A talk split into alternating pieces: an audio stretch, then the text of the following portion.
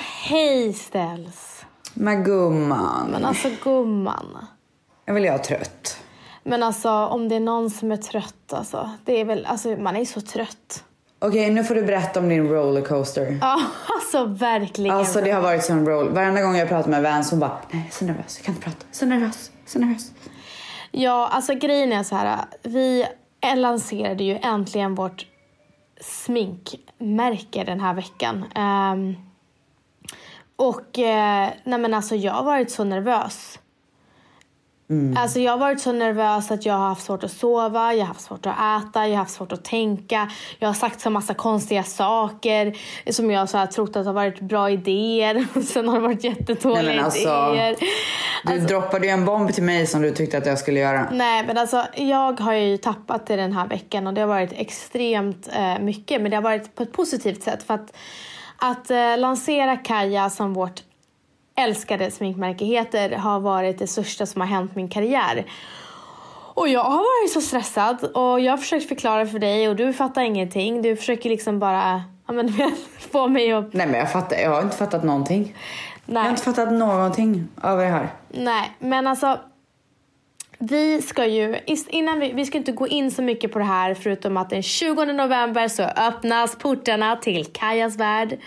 Eh, Exakt, och det finns ju en anledning till att du inte berättar så mycket om det just nu. Utan vi kommer ju gå in på det djupare. Ja. Och när kommer vi göra det? ja, så här är det. Våran älskade Bibs ska gästa vår podd. Hallå? Oh, ja, jag trodde du skulle fortsätta. Jag vill inte avbryta. Ja, Bibban kom äntligen. Ja. Alltså som vi har väntat. Alltså som vi har väntat och längtat. Så att vi ska prata så mycket med Bibs eh, och eh, Kaja. Och det är så många av er som frågar, vem är Kaja? Ja men vi ska berätta det för er. Är det jag eller? Men du är Kaja. Alltså ni, det? ni som lyssnar är Kaja. Oh my god. Men, eh, nej, men det ska bli skitspännande. Hon kommer om eh, två veckor om jag inte har helt fel. Yes, så då får vi veta ännu mer om nylanserade sminkmärket. Kaja.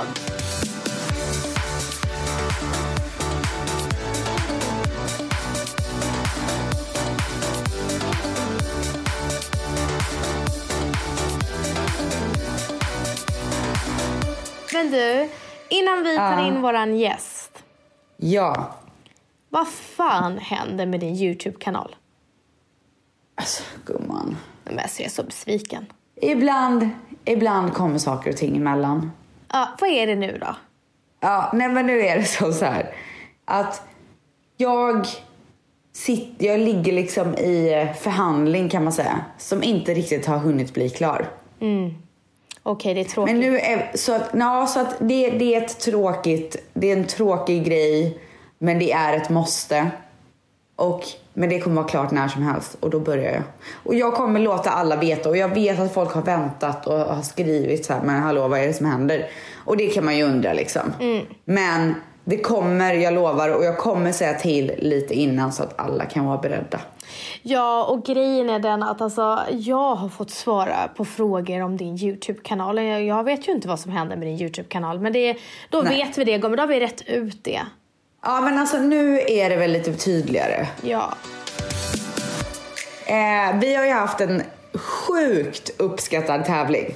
Ah, Alltså sinnessjukt uppskattad. Åh, och den var ju My Deal of Sweden där alla som gick in och handlade med våran kod eh, var med i en utlottning, en tävling om att vinna fem survival kit som då innehåller typ allt man behöver från deras hemsida. Eh, så att vi har fem vinnare som vi vill presentera nu. woo! Så trevligt. Jag kan säga att det var ingen lätt match av alla de där Nej. som var med och tävlade. Gud, var det var så många. många. Ja. ja, helt sjukt. Men, har du vinnarna eller vill du att jag ska dra dem? Jag har vinnarna. Då kör vi varannan. Du börjar gumman. Nej, det gör du inte. Du börjar. Okej, jag kan börja då. Eh, det är bara för att det är lite svårt att uttala Men du, var efter de här du är bättre på att uttala. Jag tror faktiskt att jag är det. Så nummer ett är trumvirvel. Sonja Järgi! Nummer två är Felicia Karlsson. Wow! Nummer tre, Janni Andersson. Woo! Nummer fyra, Sara Alfredsson. Wow! Och sist men absolut inte minst är nummer fem, Iris Malkoc. Eller Malkoc, jag vet inte riktigt hur hon uttalar det men det var det. Och är det så att ni tänker, eh, är det verkligen jag? Då kan jag säga så här, ni kommer, få, ni kommer att bli kontaktade så ni kommer att veta om det verkligen är ni som vinner.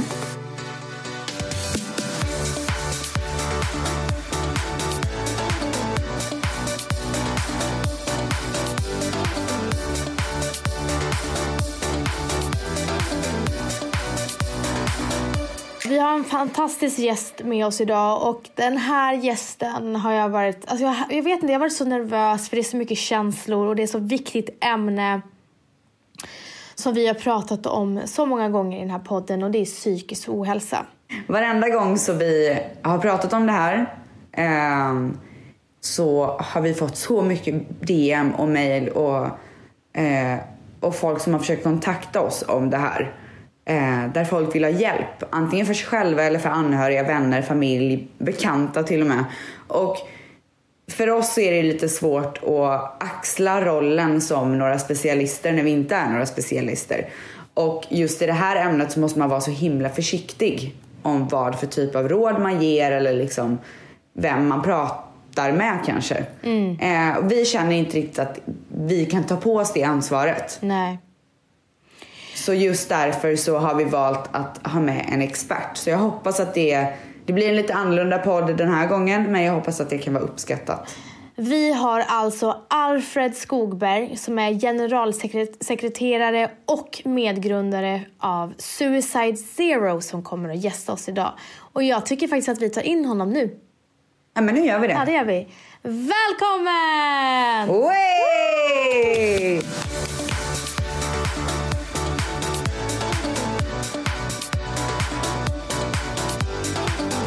Ja, nu känner jag att jag blev, jag blev väldigt skuggad här av ja. mikrofonen. Halva jag ser inte.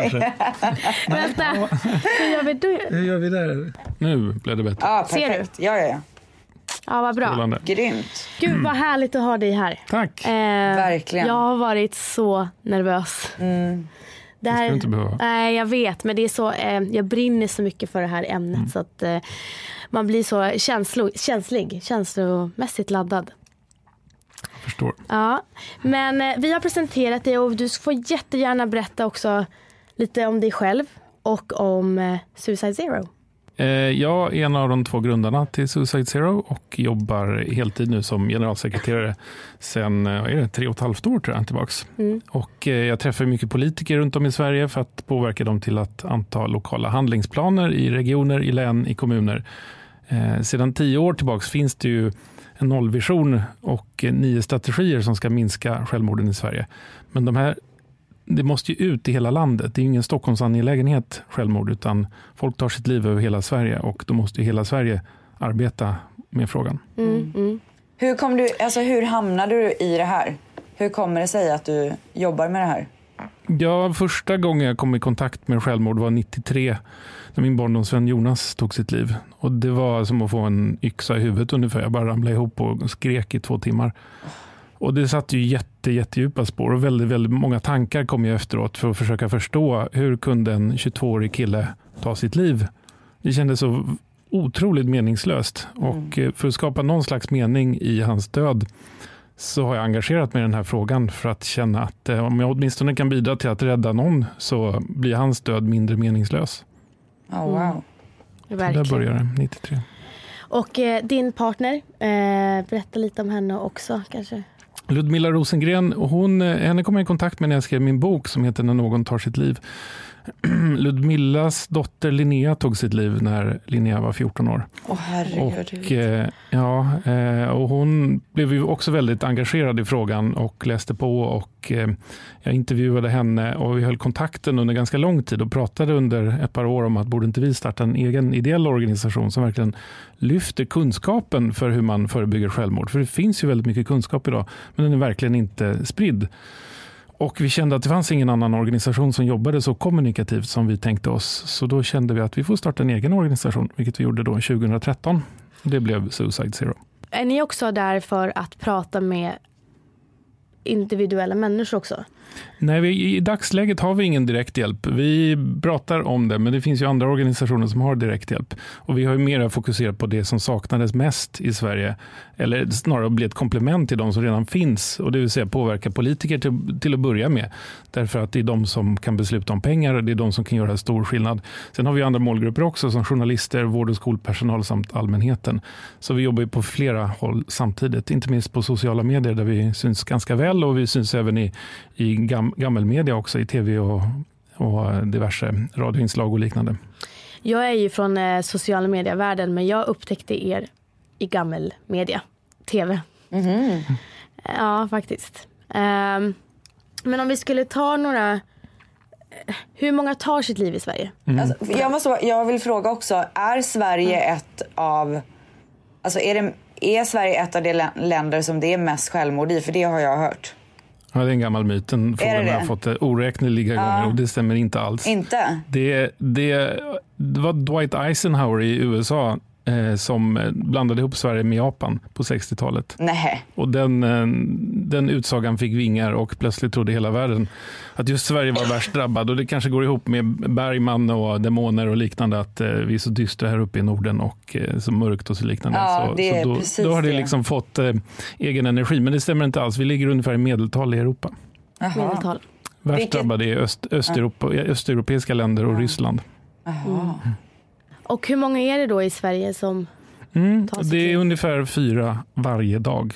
Åh, herre. Åh, Det är 30 liv i herregud. veckan. Skämtar Det är du? 1500 om året. Det alltså motsvarar två, två Estonia-katastrofer om året. Eller tre gånger så många svenskar som dog i tsunamin 2004. Åh herregud. Jag hade Så- ingen så aning om att det var så 6000. mycket. Nej, 1500 per år. 1500 för... Mm.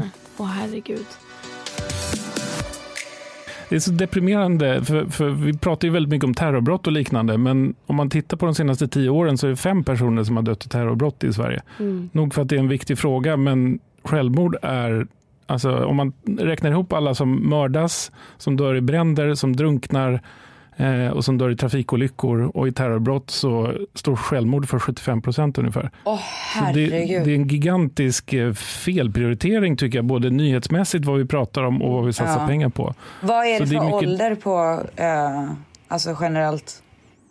De flesta som tar sitt liv är i åldersgruppen 45 till 64 följt av 65 plus. Jaha. Mm, Många tror att det är ungdomar därför att det är ofta de som hörs mest Ja, i, i nyhetsmedier. Det är ofta då man rapporterar och det, det är, på många upplever det som mer tragiskt när en ung person tar sitt liv än när en äldre tar sitt liv. Ehm, och rent nyhetsmässigt sett så är det väl kanske på ett sätt mer intressant då att rapportera om ungdomar men Mm. det är inte där problemet är som störst. Wow. Och ehm, hur många utav dem är kvinnor versus män? Mm. Ungefär 70 procent av de som tar sitt liv är män. Alltså det här hade jag ingen aning om. Mm. Vi har en kampanj just nu som heter Stör döden som man gärna får titta på Ja, på stördöden.se. Det är en, det är en eh, kortfilm som är väldigt emotionellt berörande som visar på mäns eh, eh, Alltså det är så många män som har svårt för att identifiera sina känslor och sätta ord på dem. Och det finns ju män som hellre tar sitt liv än att berätta att man mår dåligt. Eh, och det här är ju någonting som vi Är behöver jobba stolthet? med. Det är en Det är stolthet. stolthet, det är alla möjliga saker. Är det är det, mansroll. är det det är, en generationsfråga också kanske? Just med tanke på att det är den åldersgruppen. För, jag för önskar jag kunde om säga att det tiden- var Ja. mycket bättre bland ungdomar idag. Jag vet inte. Det, det, det, statistiken vad gäller ungdomar ser ungefär likadan ut eh, år från år och det är ungefär en tonåring i veckan som tar sitt liv. Är det mer killar också? Av, Ja. ja. Herregud. Ja, det är, det är fruktansvärt. Men jag måste säga en sak. Eh, jag tycker att det har blivit bättre. Eh, man ser att eh, medier börjar prata mer om psykisk ohälsa. Eh, bara Nyhetsmorgon så tycker jag att man ser att man pratar om psykisk ohälsa mycket, mycket mer. Och de tar det väldigt allvarligt. Så att jag ser en förbättring, eh, helt klart, i Ja, men media. det, det håller jag med om. Vi har ju också ett pris som heter pris för bästa rapportering om självmord. Det finns ju en pressetisk regel som säger att man ska iaktta stor försiktighet vid publicering om självmord. Men vad det innebär, hur vet jag om jag rapporterar försiktigt eller inte? Det vet ju inte journalister, det står inte. Så därför har ju många under decennier aldrig gjort någonting. Det finns ju ofta en eh, det är vedertaget på olika redaktioner att vi rapporterar inte om självmord, punkt slut. Mm. Och det är ju så absurt, för journalister ska ju granska samhällsproblem. Mm. Och om 1500 personer tar sitt liv varje år, då är det ett av våra till och med största samhällsproblem skulle jag säga. Om då journalister är rädda för att göra fel och därför inte rapporterar om det, då bidrar ju det tänket till att problemet kvarstår. Så journalister är en extremt viktig målgrupp och därför har vi det här priset som lyfter de som faktiskt gör ett bra jobb. För det finns varje år. Eh, och det här tror jag sprider sig ganska väl, för tidningen Journalister brukar alltid skriva om det och medievärlden och andra tidningar också. Så det här priset har gått till Nyhetsmorgon, det har gått till Svenska Dagbladet nu senast, det har gått till P4 Blekinge och det har gått till Niklas Ekdahl, författaren. Mm. Gud, jag är helt betagen av att det är så uh, höga siffror. Mm. Mm. Jag önskar alla politiker kunde bli det också, för det, det känns ju som att vi vet att det här kommer inträffa. Vi vet vilka som är i störst risk för att ta sitt liv och det är de som har gjort ett självmordsförsök. Mm. Alltså, svensk vård kommer i kontakt med 8000, 8000 personer per år som har försökt ta sitt liv. Och då vet vi att 10% av dem kommer att ta sitt liv. Fyra av tio gör det inom ett år. Och då kan man ju tänka sig, vad händer efter att de skrivs ut från sjukvården? Mm. fram till dess att de tar sitt liv. Vad får de för stöttning då? Ofta är, stödet extremt bristfälligt, om något. Mm. Och det är så uppenbart, alltså följde vi bara den här gruppen så skulle vi i teorin i varje fall kunna minska självmorden med 50 procent. Men det finns inte tydliga rutiner runt om i hela Sverige för hur man stöttar någon som har försökt att ta sitt liv. Hur det... gör man det då? Hur stöttar man någon? Ja, men man måste ju följa upp och, och, ta reda på vad är det personen har för problematik. Det, det, finns ju, alltså, varför folk tar sitt liv, det är ju en komplex historia baserad på massor med olika eh, mm. händelser och genetik etc. Men, men, man måste ju ta reda på hur kan vi i samhället stötta? Handlar det om ekonomiska problem? Är det en psykiatrisk diagnos som mm. bipolär sjukdom eller annat? Eh, är det ensamhet? Är det ångest? Är det Ja, man måste helt enkelt kartlägga individerna. Alltså det, det, en one size doesn't fit all. Man måste ju hitta och, och ha tid för att verkligen sätta sig in i de olika personerna. Och, och det är väl egentligen ingen omöjlig uppgift att ha den tiden och, och, ringa, att se till så att man har samtal med de som skrivs ut och följer upp regelbundet. Mm. Eh, I många fall räcker det med att man, man behöver känna att man inte är ensam. Ja. Man kan prata med någon. Det är det här med att sätta ord på det. Alltså, speciellt män är ju alldeles för dåliga på att sätta ord på känslor, att identifiera känslor och sätta ord på det. Det kallas till och med för alexitomi finns ett begrepp för det, att vi har vår oförmåga att identifiera och sätta ord på känslor. Mm. Så det är någonting som inte minst män, men även kvinnor i stor utsträckning måste jobba med mycket, mycket mer. Alltså jag har ju sett på väldigt nära håll hur samhället fungerar när det kommer till psykisk ohälsa. Och det är en extrem brist på uppföljning. Mm. Och det är också en brist på kunskap. För att det är inte som en fysisk sjukdom då man vet ja, men det här har du och då ska du ta den här Alvedonen så blir det bra. Utan det är ofta ett experiment av olika mediciner för att se vilken, vilken funkar bäst så vi kan sätta diagnosen ut efter det. Mm. Och många gånger tar det lång tid innan de ens hittar diagnosen. Om de, de ens hinner hitta diagnosen innan det är för sent. Ja, och, och, experimentera med en person som mår så pass dåligt redan. Det känns ju som att det är livsfarligt. Jag skulle inte vilja säga ändå experimentera. Alltså vården i stor utsträckning gör vad de kan och man, man går igenom en process för att hitta rätt. Om vi pratar om antidepressiv medicin till exempel så är det ju inte heller så att all, allt funkar för alla. Ehm, de flesta hjälps av antidepressiv medicin, men inte alla. Och Då gäller det att, att veta hur man går vidare och det kan ju ta tid. Ja precis men för anhöriga som ser på nära håll när det byts olika diagnoser och det är ena dagen det här, ena flyttat från en avdelning till en annan avdelning, byter mediciner, drar upp, drar ner. För oss som en anhörig känns det som att det blir ett experiment. Mm. Och det, jag tycker att Vanessa Falk som eh, är en vän till oss båda och en av Rebeckas bästa vänner, hon förlorade sin lillebror. Han tog livet av sig och hon sa det så himla bra. Hon sa att det psykakuten är som att man, man får liksom ett plåster och så får man gå hem igen. Mm. Och sen blir det ingen uppföljning. Och det är precis så jag även har upplevt det när jag inte personligen har varit i systemet men eh, folk i min närhet. Och det tycker jag bara, det är precis som du säger, det är verkligen brist på eftervård Mm. när man kommer därifrån. Mm. Och det är det som man vill uppmärksamma. Och jag vet att de, de kämpar, alltså vårdpersonal, det här är inte mot dem. Absolut inte. Vårdpersonalen gör allt de kan i sin makt. Det är brist på resurser helt enkelt. Och det vill jag verkligen poängtera. Mm. Men om vi ska gå vidare. Va, alltså, varningstecken. Hur ser varningstecknen ut, eh, på, ut på psykisk ohälsa? Mm. Alltså de enklaste varningstecknen att ha koll på det är när det händer någonting stort, en större livsomställning i en människas liv. Det kan ju vara att man plötsligt får en sjukdomsdiagnos, det kan vara att man förlorar jobbet, det kan vara att man flyttar, byter skola, eh, att man går i pension, att man föder barn, att man gifter sig. Allt det där kan ju sätta igång psykisk ohälsa. Eh, det är ju inte säkert att det gör det, men det är ett varningstecken som vi bör undersöka. Och därför är min, vad jag pratar mycket om, det är att man ska våga vara artigt påträngande. Vi har ju sån väldigt stor respekt för människors privatliv och vi har också en stor rädsla för att lägga oss i. Känns det obehagligt liksom att knacka på dörren om man hör att, eh, eller om man misstänker att någon har det tufft? Alltså, vi är inte tränade på det här. Har vi aldrig gjort det Nej. förut så känns det ju inte helt naturligt att bara knacka på hos en granne och säga du, jag hörde att ni ligger i skilsmässa eller att du har förlorat jobbet eller att du har dödsfall i familjen. Det, det är vi inte vana att prata om eller göra. Men det måste vi jobba med. Därför att runt omkring oss finns det en otrolig massa ensamma människor som går med egna tankar och många av dem har allvarliga planer faktiskt på att ta sitt liv. Och därför måste vi inte bara tänka på att förebygga självmord som en vårdfråga.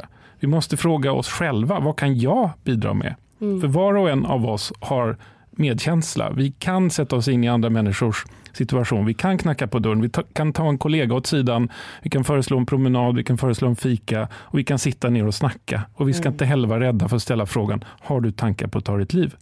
En sån fråga kommer inte att sätta igång självmordstankar. Tvärtom kan det vara första gången någon faktiskt frågar och visar mod nog att, att eh, visa att jag faktiskt är mogen att prata om det här med dig och jag är inte rädd för att göra det. Mm. det så de enklaste varningstecknen är helt enkelt en stor livsomställning. Sen finns det ju andra varningstecknen och det kan ju vara att någon drar sig undan mer.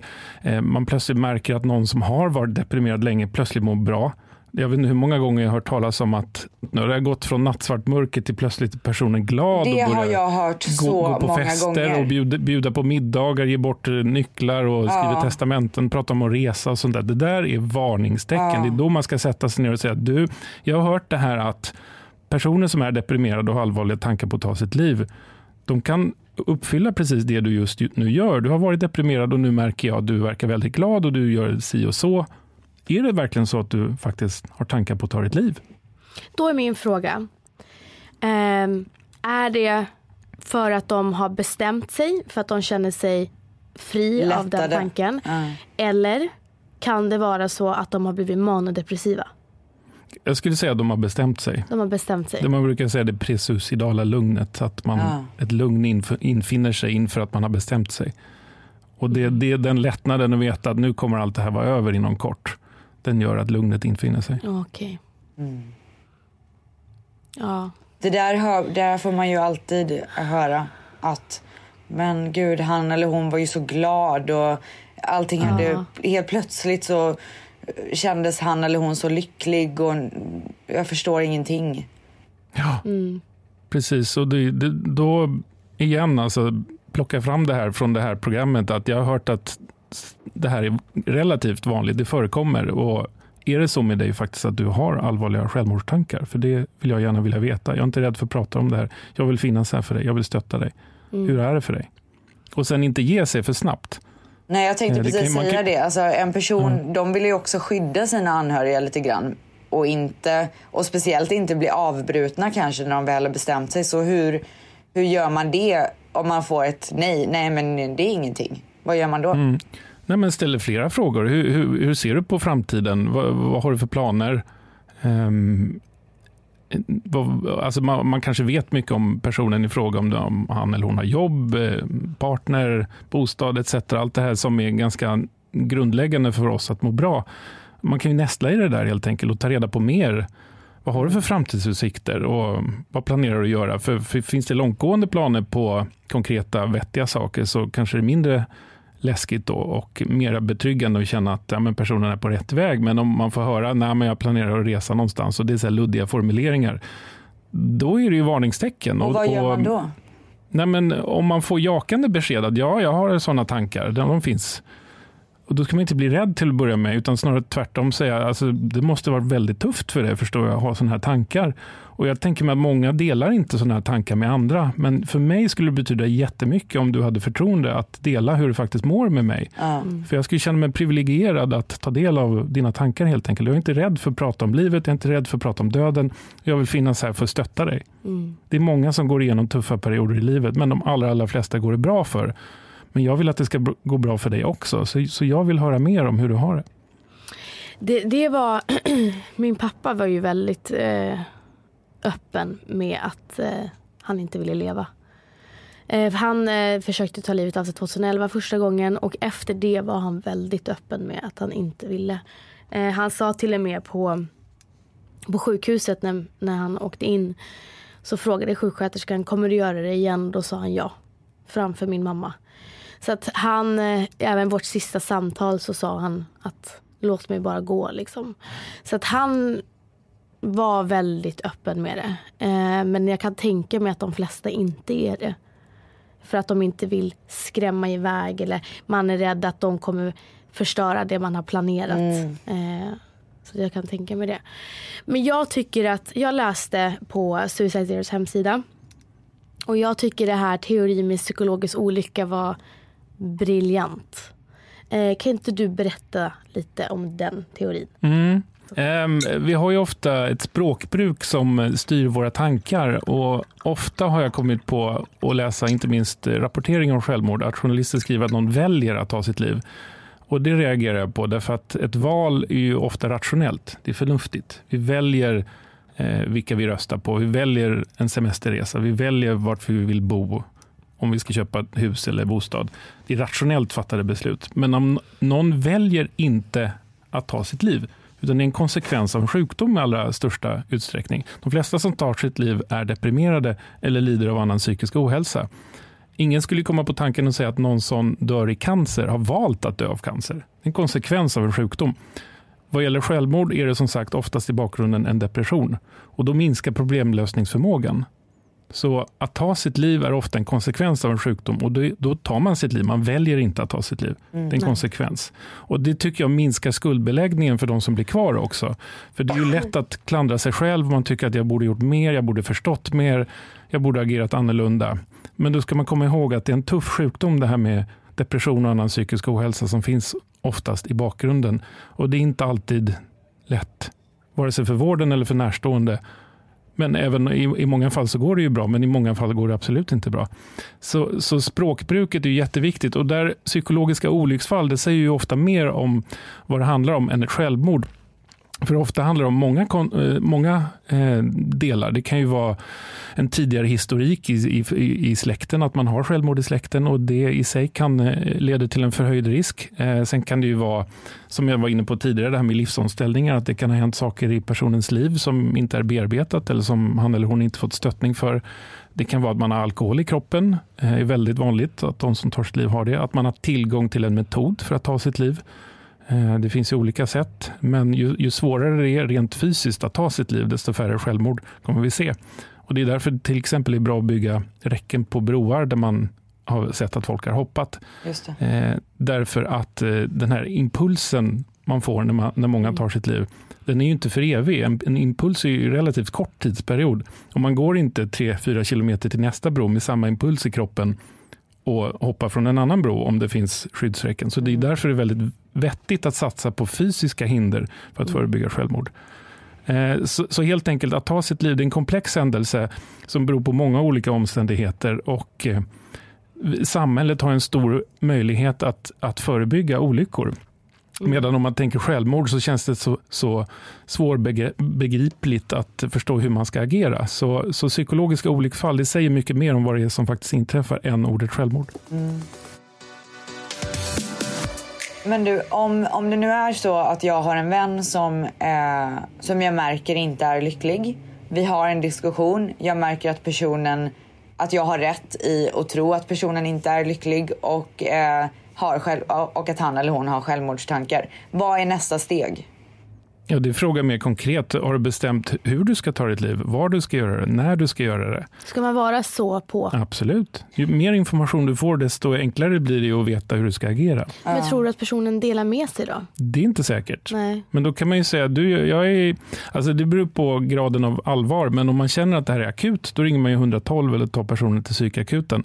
Men om man känner att personen tänker på att ta sitt liv, men, men man upplever inte att personen har planer, konkreta planer, då har man ju mer tid på sig. Och vad gör Så man det då? är där- ja, men då skulle jag säga, men okej, beroende på hur mycket tid man har att samtala med den här personen. Men om man nu av någon anledning måste gå, så kan man ju säga, men du, jag kommer följa upp det här. Jag vill prata vidare med dig. Är det okej om jag ringer dig ikväll eller imorgon eller en vecka eller vad det nu handlar om? Men man ska ju inte släppa det här, utan man måste ju följa upp. Och det var precis det min mamma gjorde. Min mamma och pappa var skilda när min pappa eh, tog eh, liv, för, försökte första gången och sen lyckades andra. Hon var ju extremt artigt påträngande. Eh, och det var enda anledningen till varför hon lyckades rädda honom 2011. Hon var ju, alltså, varje dag på jobbet ringde hon. När hon kom hem från jobbet ringde hon och sen så märkte hon att nu är det, något, nu är det någonting. Eh, hon kollade hans Facebook, han varit inloggad och väldigt så. Och sen så fick hon en magkänsla och så sprang hon hem till honom och så hittade hon honom med, medvetslös. Så att man måste vara väldigt påträng, påträngande. Men det kommer också till en gräns för anhöriga att det blir för mycket för dem också så att de har inte den Energin. styrkan. Men Den styrkan också för att Ja. Det tar ju så enormt mycket energi av att se någon man älskar må så dåligt. Så att man till slut själv skapas av en extrem, extrem ångest som påverkar ens eget liv. Då orkar man inte det. Eh, hur... det, är så, det, det, det är också en grej att så här, anhöriga måste alltså stödet för anhöriga, att anhöriga måste också förstå att de behöver stöd för att kunna ge stöd. Och det är så himla viktigt för att det är en sån process att konstant vara rädd för att ens förälder eller barn eller vän ska ta sitt liv. Ehm, jag vet inte hur jag ville komma med det men Nej, men du lyfter ju många viktiga saker här. Ehm, Vi har planer på att, vi har inte börjat med det, men en tanke är att vi ska ha typ A-grupper för personer som har försökt ta sitt liv. Som leds av någon med liknande erfarenhet. Alltså peer-to-peer support kallas det för. Just därför, jag vet inte, alltså personer som har försökt ta sitt liv menar jag har behov av att samtala. Sätta ord på vad det är som har hänt. Och kan man höra att andra är, har varit i liknande situation och att det finns en samtalsledare som är duktig på det här och faktiskt ser individerna, lyfter hur man kan gå vidare och visa på hopp, så har vi stora chanser att faktiskt göra en jätteviktig insats. Så det, det är någonting jag skulle vilja sätta igång med här i Stockholm som jag hoppas vi kan göra nästa år. Ja, nej men jag, jag vill faktiskt fortfarande eh, prata om det här om man nu har en närstående. För det, det är väldigt många som hör av sig till oss och har närstående som har självmordstankar eller de tycker att de mår dåligt, de vet inte vad de ska göra. Eh, jag förstår att nästa steg är att prata om det och följa upp och man gör ju allt man kan som vän förhoppningsvis. Men vad, vad kan man göra mer? Vart går man? Hur Alltså, hjälper tycker- man personen? Jag skulle vilja rekommendera alla att läsa på, för det finns ju så mycket kunskap som man behöver läsa på. Det, det räcker inte bara med att agera, utan det är ju en, en kombination där. Läs på vår webbsida suicidezero.se. Det finns massor med, in- med, med information om hur man kan stötta någon. Ulla-Karin Nybergs böcker vill jag varmt rekommendera. Hon skriver helt fantastiskt hur man kan stötta och hur man kan formulera sig så att det landar rätt.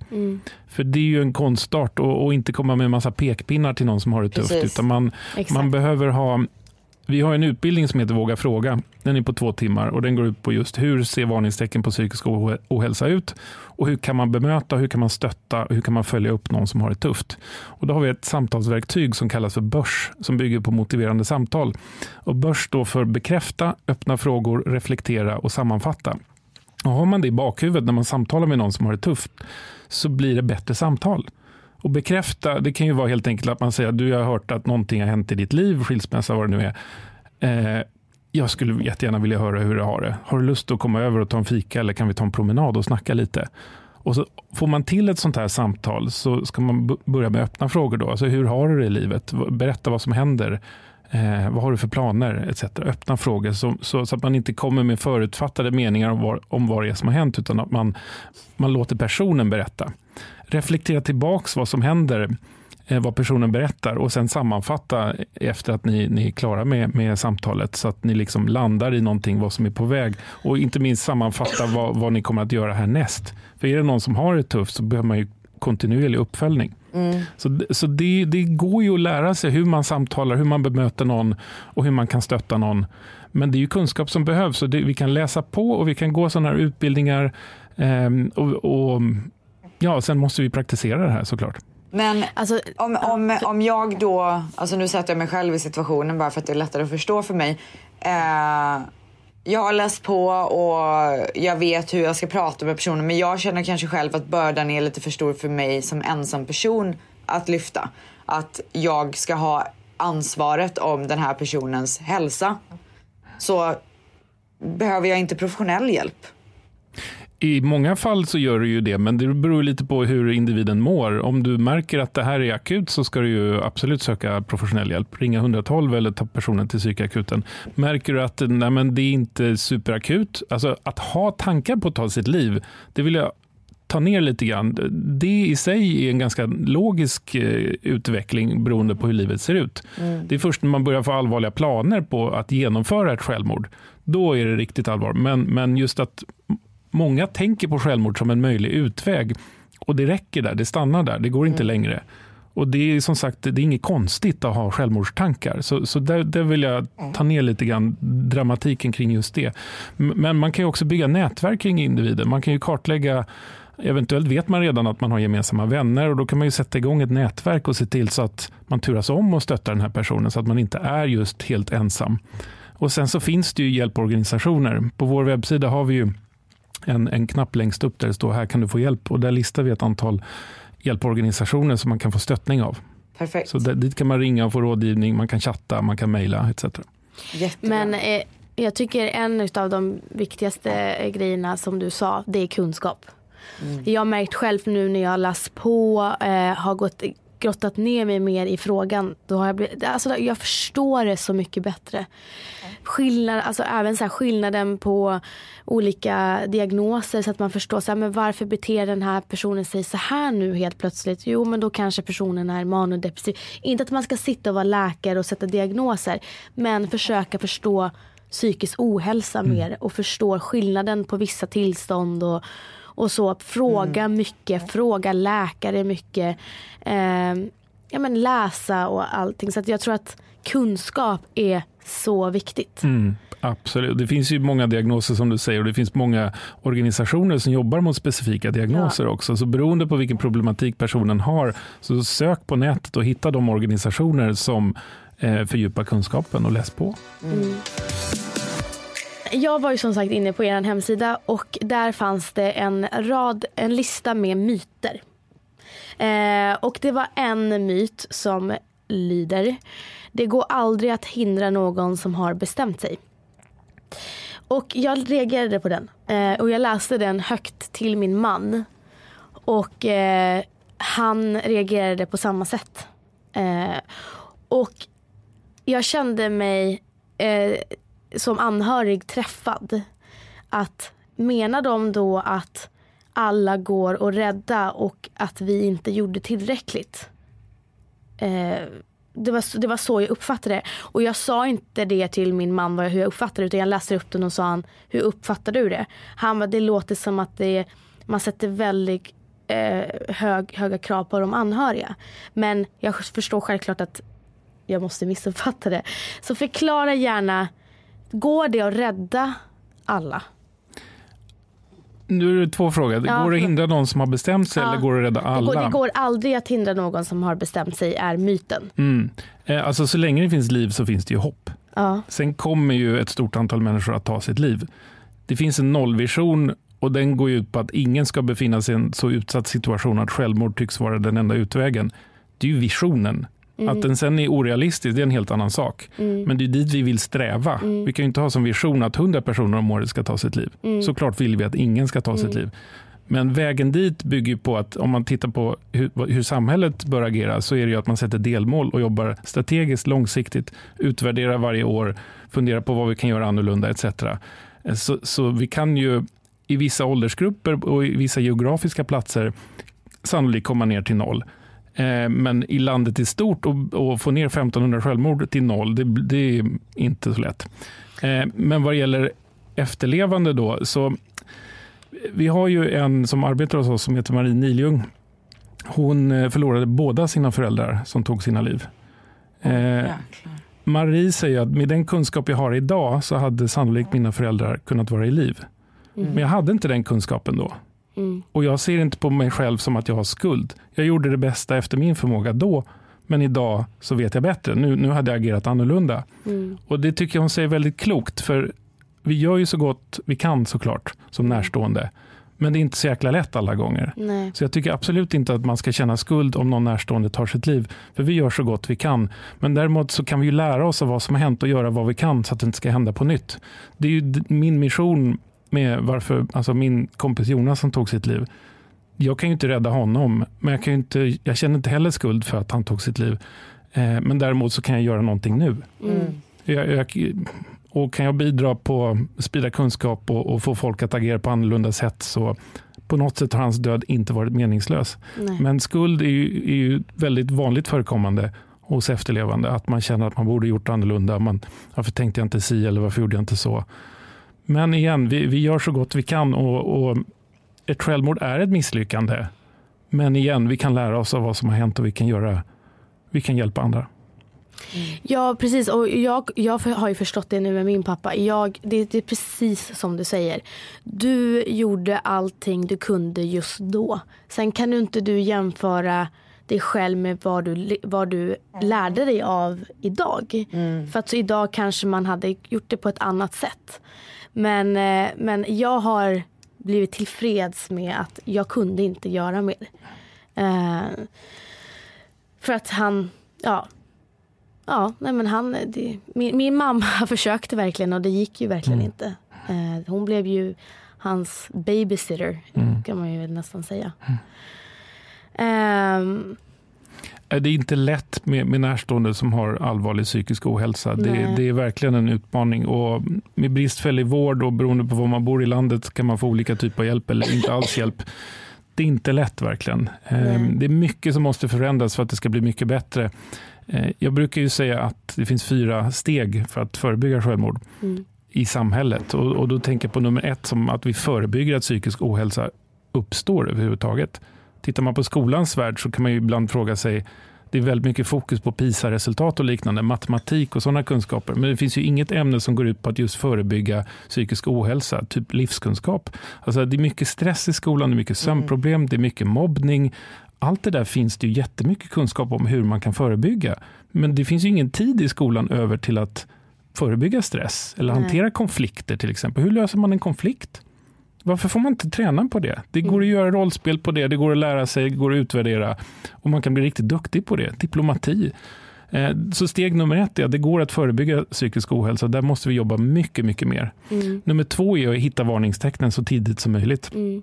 Jag brukar jämföra psykiska bränder med fysiska bränder. Mm. Alla vet ju hur det går till att släcka fysiska bränder. Det är väldigt lätt. Och, och brandkåren jobbar ju egentligen på samma sätt i det att vi vill förebygga att bränder överhuvudtaget uppstår. Vi ska ha brandvarnare hemma, vi ska ha brandsläckare, brandfiltar, vi ska inte ställa ljus i fönster etc. Eh, så det är att förebygga att bränder uppstår. Sen ju förr man hittar rök eller eld, desto bättre. Är det en liten eld så är chansen större att man hinner släcka den så blir det ingen stor skada. Sen eh, ringer man 112 då kommer ju de på en gång. Så det, mm. det är steg nummer tre helt enkelt, att man erbjuder skyndsam och adekvat hjälp. Mm. Och steg nummer fyra är att man följer upp och utvärderar och säkerställer att elden inte flammar upp på nytt. Så släckas fysiska bränder och psykiska bränder, det, det, är samma principer som, som vi måste jobba med i skolor, i grannskap, i samhället i stort. Mm. Men där brister det ju på alla delar. Mm. Vi, vi, är dåliga på att förebygga, vi är dåliga på att hitta varningstecken, vi är dåliga på att erbjuda skyndsam och adekvat hjälp och vi följer inte upp och utvärderar. Så det är inte så konstigt att det ser ut som det gör. Men det goda är att vi kan faktiskt göra så mycket mer och så mycket bättre. Och vad finns det för utbildningar Men det finns fler om man pratar specifikt suicidpreventivt. Vår heter ju Våga fråga. Ja. Den är på två timmar. Ehm, den är tänkt för max 16 personer per grupp därför att det är ofta ganska viktiga saker som kommer fram och man måste kunna lyssna på alla.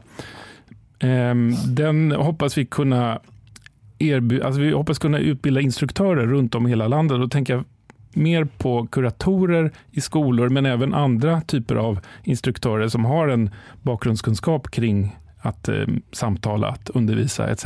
För vi vill ju att den här kunskapen ska spridas över hela Sverige för då är vi ganska säkra på att då bidrar vi till att minska självmorden. Sen finns det andra. Det finns en som heter JAM som står för Youth Aware of Mental Health som är fem timmar fördelat på fem eh, lektioner för eh, 14 till 15-åringar. Mm. Och den har visat att självmordsförsöken i en kontrollgrupp har minskat med ungefär 50 procent wow. mellan de som har utbildningen och de som inte har haft utbildningen. Wow. Så det är en effektiv utbildning. Men det, det, det är samma principer, men det, men det, bygger mycket på att man ska hitta varningstecken och, och veta hur man kan stötta. Sen finns det en som heter Första hjälpen till psykisk hälsa, som är en större utbildning, tar lite längre tid. Eh, där man också går in mycket på sjukdomsdiagnoser och man får läsa på om det. Um, ja, det är väl de tre jag kommer att tänka på här och nu. Men det finns ju såklart andra. Eh, om man ska titta på vad man själv kan, kan gå så är det typ mindfulness. Man kan lära sig kartlägga sin dagliga stress. Mm. Eh, har man sömnproblem så finns det ju KBT. Vad menar du med, förlåt, vad menar du med kartlägga sin dagliga stress? Vad gör man då?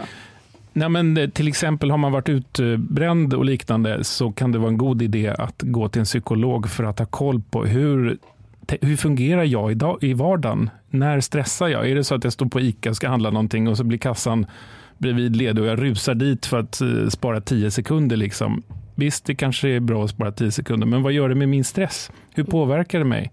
När jag sitter ner och äter, slänger jag i mig maten? Vad händer då med min stress? Vad händer om jag bara tar det lugnt och lägger ner besticken och verkligen försöker smaka maten istället för bara stressa, stressa, stressa? För all den här stressen bidrar ju till psykisk ohälsa. Mm. Och om vi inte är medvetna om hur vi agerar på dagarna, då, då blir det ofta ett resultat att vi går in i väggen. Och jag menar, det är ju en epidemi vad gäller psykisk ohälsa, att folk går in i väggen blir sjukskrivna i åratal. Det tar jättelång tid att komma tillbaka. Jag har själv varit i den situationen och jag själv hållit på med sån här att kartlägga min dagliga stress. Så jag vet hur viktigt det är och mm. Eh, jag skulle önska att många, många fler gjorde just detta. Mm. Nej, jag, jag har blivit väldigt uppmärksammad på hur jag är i på dagarna. Så att försöka att inte så kasta i mig maten och blivit mer så time management på dagarna också. Så att det har verkligen hjälpt mig. För när man har mycket bollar i luften har man ingen, alltså har man ingen plan då, då blir man ju så stressad så att eh, ja, men, i New York när jag bodde där till exempel då stressade jag så mycket så att jag tappade hår. Mm. Så att, eh, det är jätteviktigt att eh, ha time management och skriva ner allting och ha bra plan och organiserat så att det inte blir en, en röra i hjärnan. Mm.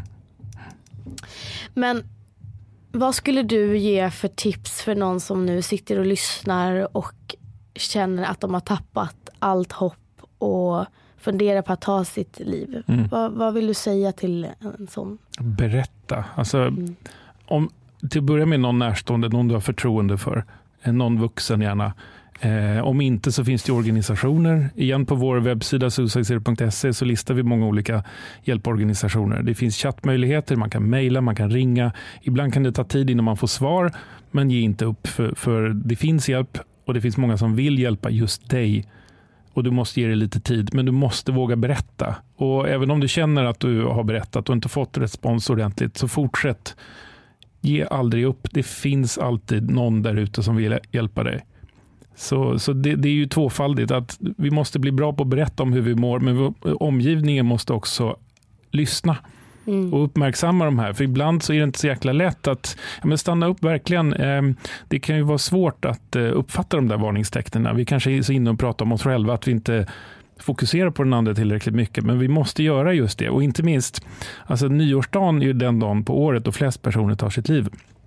Just den dagen vill jag verkligen uppmärksamma. Det är ju fest och många dricker mycket, men dagen efter när man vaknar upp, kanske är bakfull, det kanske är slut med pojk och flickvänner, man kanske inte har några bra framtidsutsikter, tråkigt jobb eller inget jobb, dålig ekonomi etc.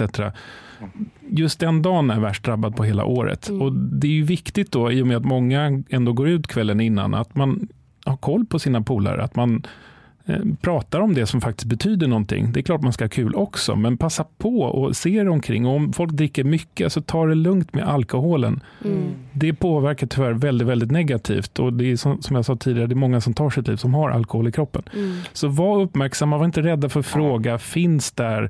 Och lita på magkänslan. Känner ni att den här personen har det tufft, alltså fortsätt fråga, ställ öppna frågor. Visa att ni vill finnas där, att ni vill stötta på lång sikt och prata med folk runt omkring så att fler gör detsamma. För att eh, avsluta, har du några tips till anhöriga vart de kan vända sig någonstans? Um, Organisationer? Ja, det finns, alltså, om man är efterlevande då finns det ju en organisation som heter SPES, mm. suicidprevention och efterlevande stöd. De har anhöriggrupper runt om i, i Sverige mm. dit man kan gå för att mm, träffa andra som befinner sig i liknande situation.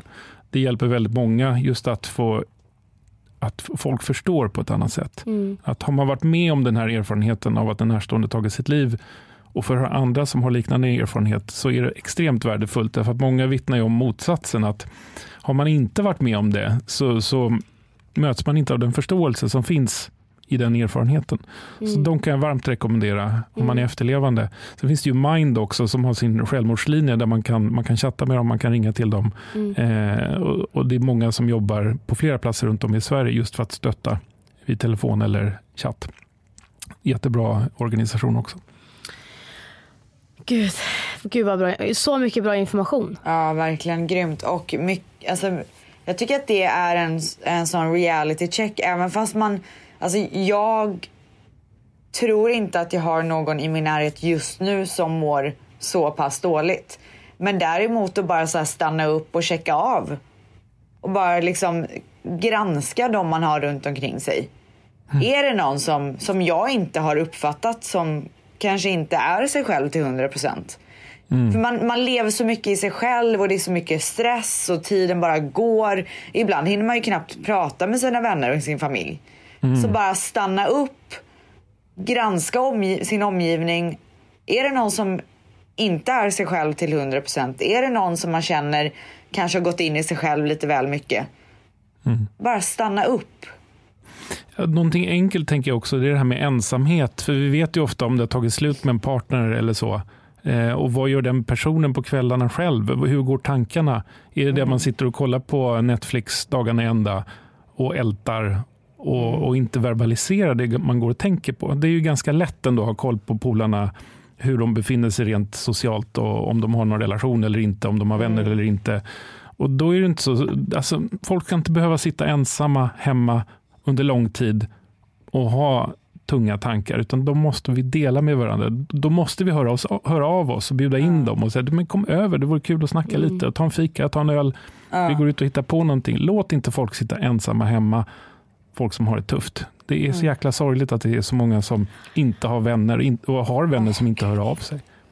Ja, och det blir ju så att vissa som mår så dåligt, eh, som till exempel min pappa, han blev ju så asocial så att han kunde inte ens sitta i en buss utan att börja få svettningar för att det blev för mycket.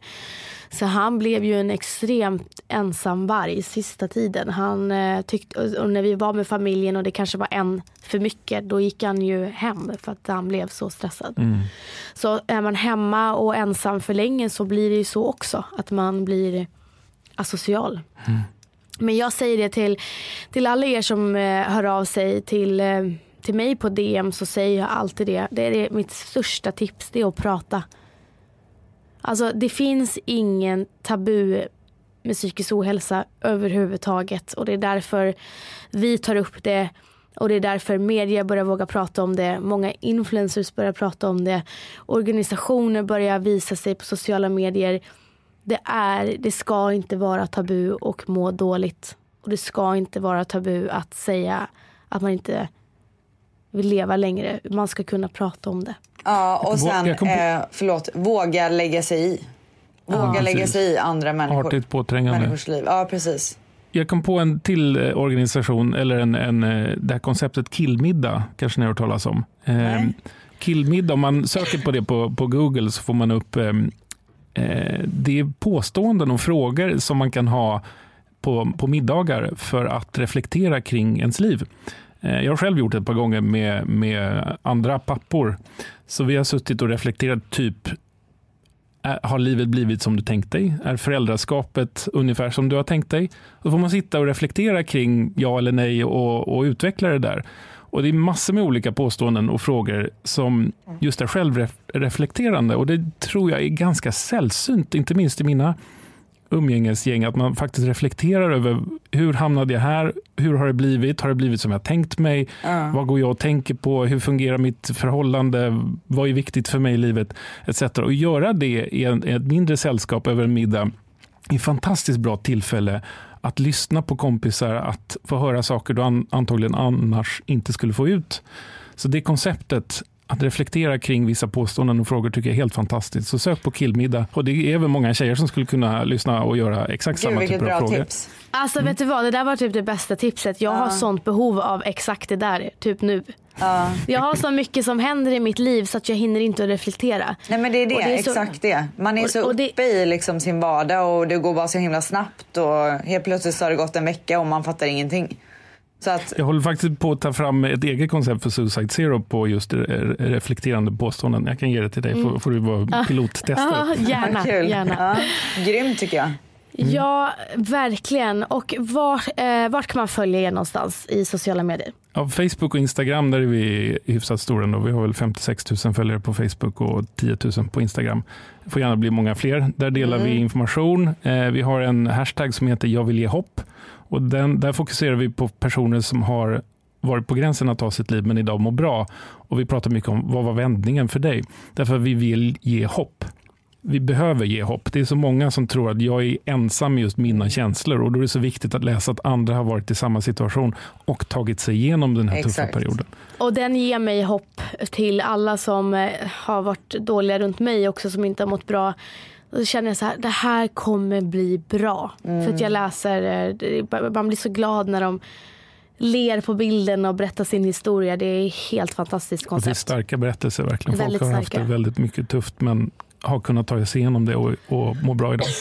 verkligen. Så att följ Suicide Zero på Facebook och Instagram. Och Vad är, är det Suicide Zero i ett ord? Ja, precis. Ah. Ja. Vi finns på Twitter och LinkedIn också, men där är vi inte lika stora.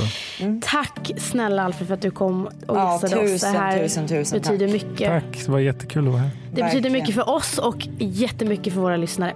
Men Ställs, eh, jag säger hej då till dig och jag säger eh, hej då till våra älskade lyssnare. Ha en fin vecka allihopa. Puss och kram. Och ta hand om varandra. Ja, puss.